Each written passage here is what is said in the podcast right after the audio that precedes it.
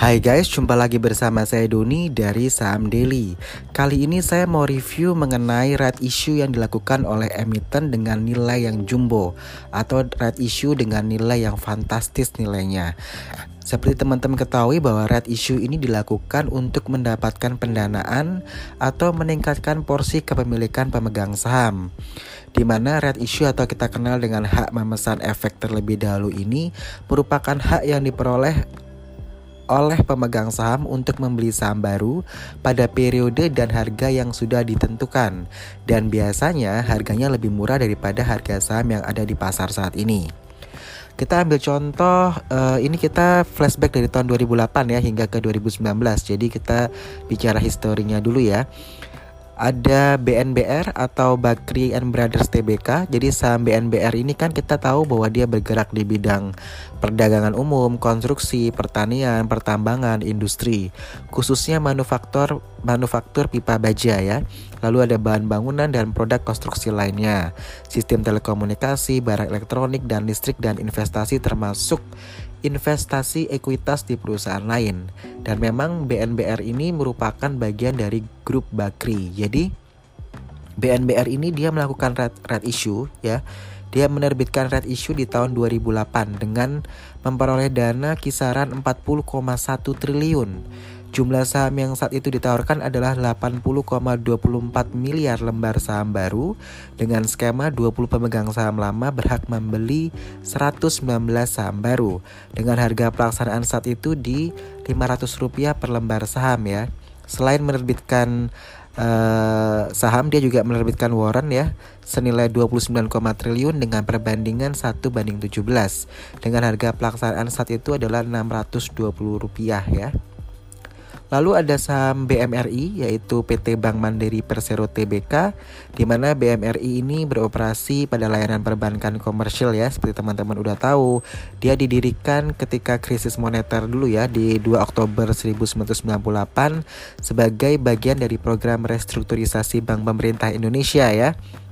Jadi pada bulan Juli tahun 1999 itu empat bank milik negara yaitu Bank Bumi Daya, Bank Legang Negara, Bank Eksim dan Bapindo digabung menjadi Bank Mandiri. Nah, BMRI ini sendiri uh, melakukan red issue di tahun 2011. Saat itu memperoleh dana 11,68 triliun dengan jumlah saham saat itu 20,34 miliar unit saham yang ditawarkan dengan harga pelaksanaan Rp5.000 per lembar saham.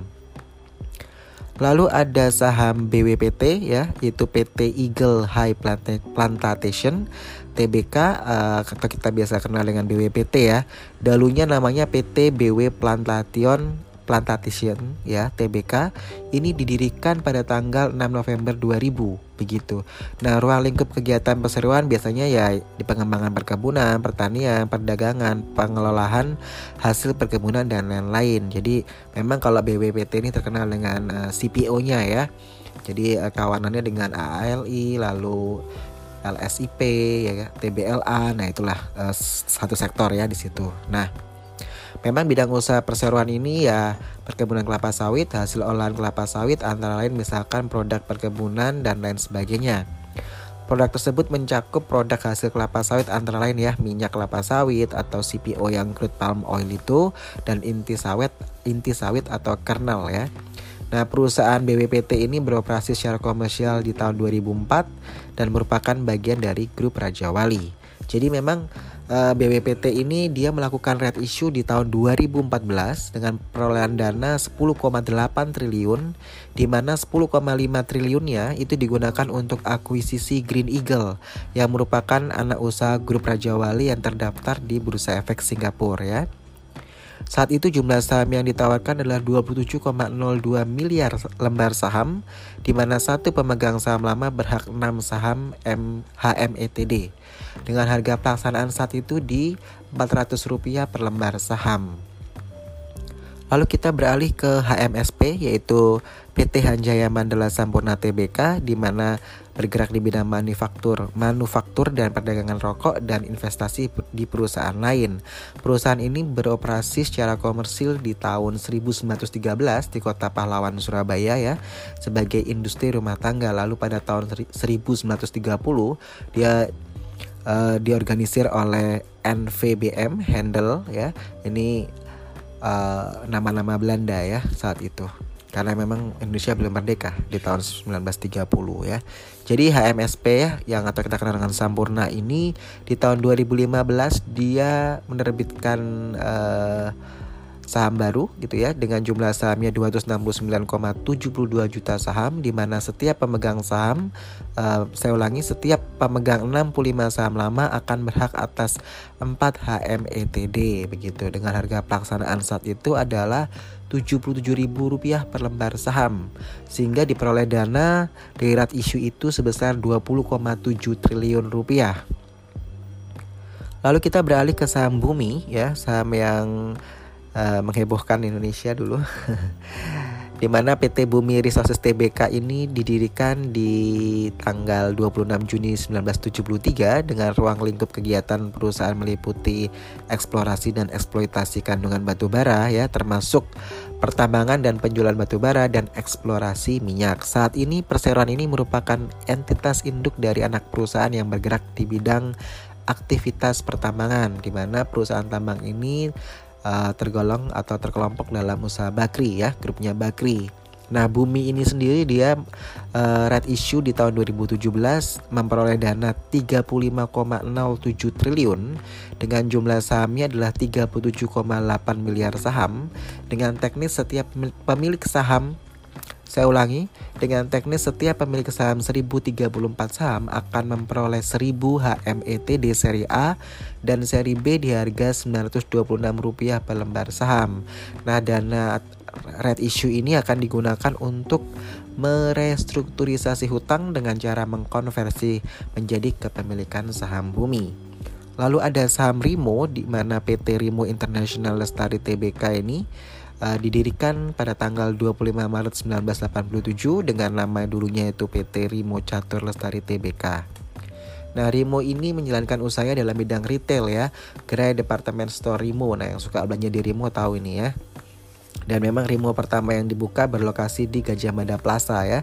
Lalu kemudian dilanjutkan dengan pembukaan gerai di Pasar Baru dan Blok M Plaza. Nah, kemudian 10 November 2000 perusahaan berubah menjadi perusahaan publik ya. Dia uh, IPO dan pada tanggal 21 Juli 2014 perusahaan merubah namanya menjadi PT Rimo International Lestari Tbk dan di bulan Maret 2017 Rimo mengalami transformasi bisnis besar untuk menjadi perusahaan penanaman modal real estate dengan mengakuisisi PT Hokindo Property Investama. Nah, per 1 Juli 2019, perusahaan telah melakukan perubahan kegiatan usaha utamanya dari industri perdagangan eceran ya menjadi industri properti dan real estate.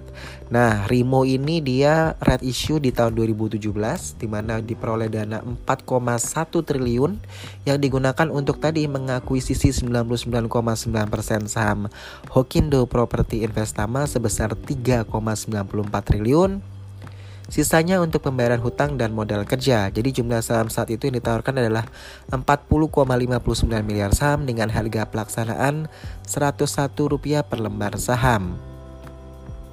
Lalu kita beralih ke saham BRPT yaitu PT Barito Pacific Tbk di mana dia bergerak di bidang bisnis kehutanan, perkebunan, pertambangan, uh, industri, properti dan perdagangan, serta energi terbarukan dan transportasi. Perusahaan ini dimiliki oleh sekelompok perusahaan yang dimiliki oleh Barito Pacific ya. Perusahaan mulai beroperasi secara komersial di tahun 1983. Nah, BRPT ini melakukan red issue di tahun 2018 dengan perolehan dana 10,25 triliun rupiah. Jumlah saham yang ditawarkan saat itu adalah 4,39 miliar unit saham di mana setiap 63 saham lama berhak atas 20 saham HMETD dengan harga pelaksanaan saat itu adalah Rp2.330 per lembar saham. Lalu yang lagi heboh-hebohnya ya sempat saya uh, siaran podcast hari ini yaitu saham Trump di mana PT Trada Alam Mineral Tbk ini merupakan perusahaan yang melakukan penyediaan jasa transportasi laut, pertambangan, konstruksi, dan jasa perdagangan umum lainnya. Perusahaan ini didirikan dengan nama PT Panji Adi Samudra di tahun Agustus uh, sorry di tanggal 26 Agustus 1998 ya di mana memulai usahanya secara komersil pada bulan September tahun 2000. Pada tahun 2007 uh, perseroan ini merubah namanya menjadi PT Trada Maritim Tbk setahun sebelum IPO. Lalu perseroan merubah namanya kembali menjadi PT Trada Alam Mineral Tbk tanggal 14 Oktober 2017 karena perusahaan melihat bisnis pertambangan khususnya di batubara ya memiliki prospek yang cerah yang mendorong permintaan kapal tunda dan tongkang perseroan. Oleh karena itu, perseroan melakukan akuisisi perusahaan pertambangan batubara dan perusahaan jasa pertambangan di Kalimantan Timur. Per 1 Juli 2019, perusahaan merubah kegiatan usaha utamanya dari industri transportasi menjadi pertambangan batubara. Nah, Trump ini seperti saya sampaikan di podcast sebelumnya berencana untuk red issue di tahun 2019 ini, cuma jadwalnya belum keluar ya. Nah, rencananya uh, targetnya memperoleh dana 11,9 triliun, jadi ini melebihi red issue-nya BMRI di tahun 2011 ya. Di mana dana 11,9 triliun ini rencananya digunakan untuk ekspansi usaha, pembayaran hutang dan modal kerja.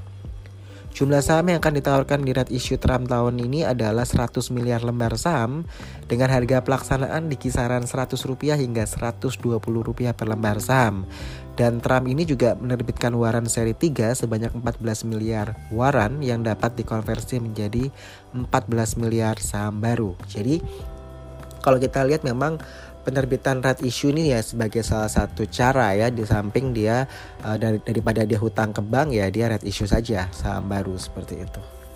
Oke, semoga ini menjadi semacam historical ya story bagaimana emiten-emiten di Bursa Efek Indonesia menerbitkan red issue untuk mendapatkan dana. Saya Doni dari Saham Daily out.